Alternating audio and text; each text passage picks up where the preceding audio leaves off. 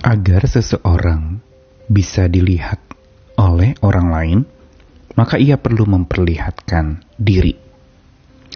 Namun, apakah sama memperlihatkan diri dengan memamerkan diri kepada orang tersebut? Tentu saja ini dua hal yang berbeda, walaupun tipis perbedaannya. Memperlihatkan diri berarti kita menghampiri, kita menunjukkan siapa diri kita kepada orang-orang itu. Tetapi kalau memamerkan diri itu berarti memperlihatkan keakuan atau memperlihatkan akan harga diri atau eksistensi diri kita supaya diakui orang. Dan di sinilah letak perbedaannya, yaitu motivasi penggeraknya. Bila hanya ingin dilihat orang, tentu saja kita tidak perlu memamerkan diri kita, tapi cukup memperlihatkan diri, menjalin hubungan, membangun sebuah relasi. Tetapi memamerkan diri itu berarti menonjolkan si aku, menonjolkan akan diri sendiri, dan membuat diri itu menjadi diperhatikan, menjadi dihormati, menjadi dipuja-puja begitu rupa. Inilah yang akan kita renungkan bersama hari ini. Bahwa sesungguhnya untuk supaya kita bisa bercahaya bagi orang lain, kita tidak perlu pamer. Karena memang Tuhan tidak ingin kita bercahaya dengan memamerkan diri. Karena dia mau kita bercahaya tanpa pamer.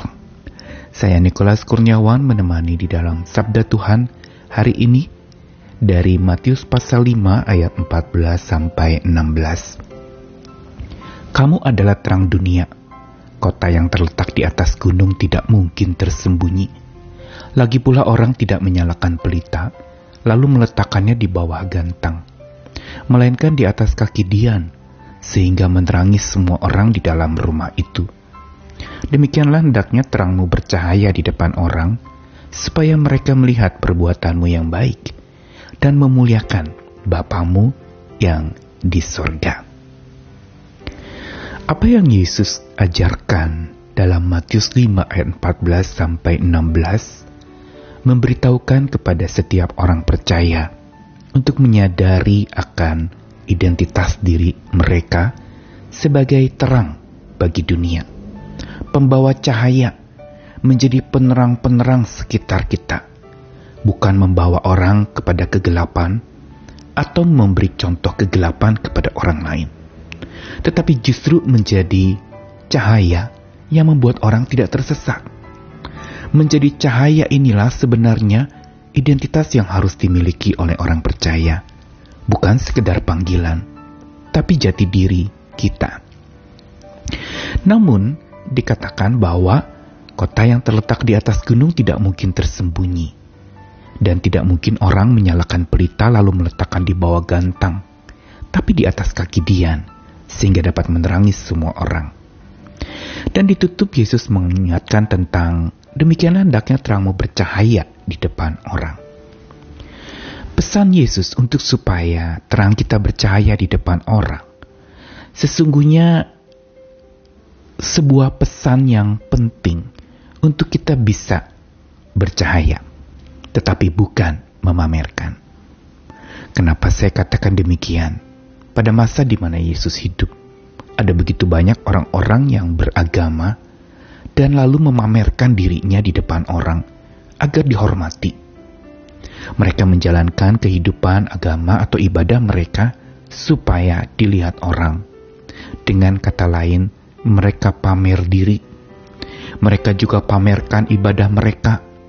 Mereka pamerkan bagaimana hubungan mereka dengan Tuhan itu didengar oleh orang lain.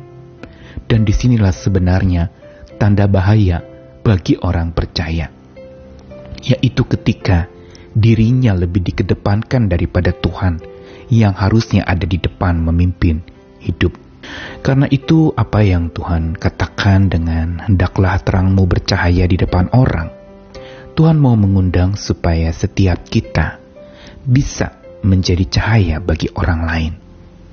tetapi dengan tujuan dan motivasi yang jelas, yaitu supaya orang melihat perbuatan yang baik serta memuliakan Tuhan.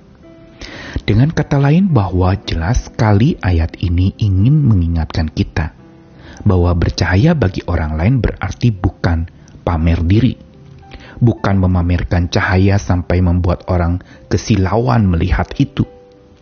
Tetapi justru Tuhan mau kita jadikan Tuhan sebagai yang primer dalam hidup. Ini yang merupakan rahasia untuk supaya kita bisa bercahaya bagi orang lain tanpa kita perlihatkan cahaya ibadah kita dengan Tuhan itu akan bercahaya karena Tuhan yang membuat kita menjadi penyalur-penyalur cahaya Tuhan. Dan untuk itu kita perlu jadikan Tuhan sebagai yang primer. Dan bukan itu saja. Untuk supaya kita jadi bercahaya bagi orang lain tanpa pamer, kita juga perlu sembah Tuhan dengan hati yang lumer. Berarti ada sebuah kerendahan hati, hati yang lembut, hati yang tidak kaku dan keras, tapi hati yang penuh dengan kasih.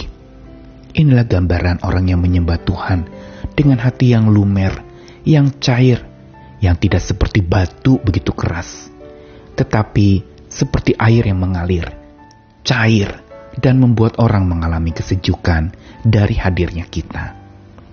Panggilan Tuhan agar kita menyadari identitas kita sebagai cahaya bagi orang lain adalah sebuah panggilan untuk supaya kita tetap jadikan Tuhan sebagai yang primer dan menyembah Dia dengan hati yang lumer. Tetaplah bawalah cahaya itu ke sekelilingmu dan Tuhan akan membuat itu dilihat oleh orang tanpa perlu kita memperlihatkan kepada orang lain atau memamerkan ibadah atau keyakinan kita kepada orang lain, tapi biar Tuhan sendiri yang membuat itu bercahaya. Dengan sendirinya, ia akan bercahaya bila kita sungguh-sungguh utamakan Tuhan, jadikan Dia yang primer, dan sembah Tuhan dengan hati yang lumer. Cahaya Tuhan terpancar dengan sendirinya melalui kita. Karena itu tetaplah bercahaya. Dunia penuh bahaya hari ini ada tantangan masa depan yang gelap dan suram, begitu mengerikan. Tetap kita pergi, jadi cahaya buat orang lain dan menerangi orang di dalam kegelapan. Tuhan mengasihi kita sekalian. Amin.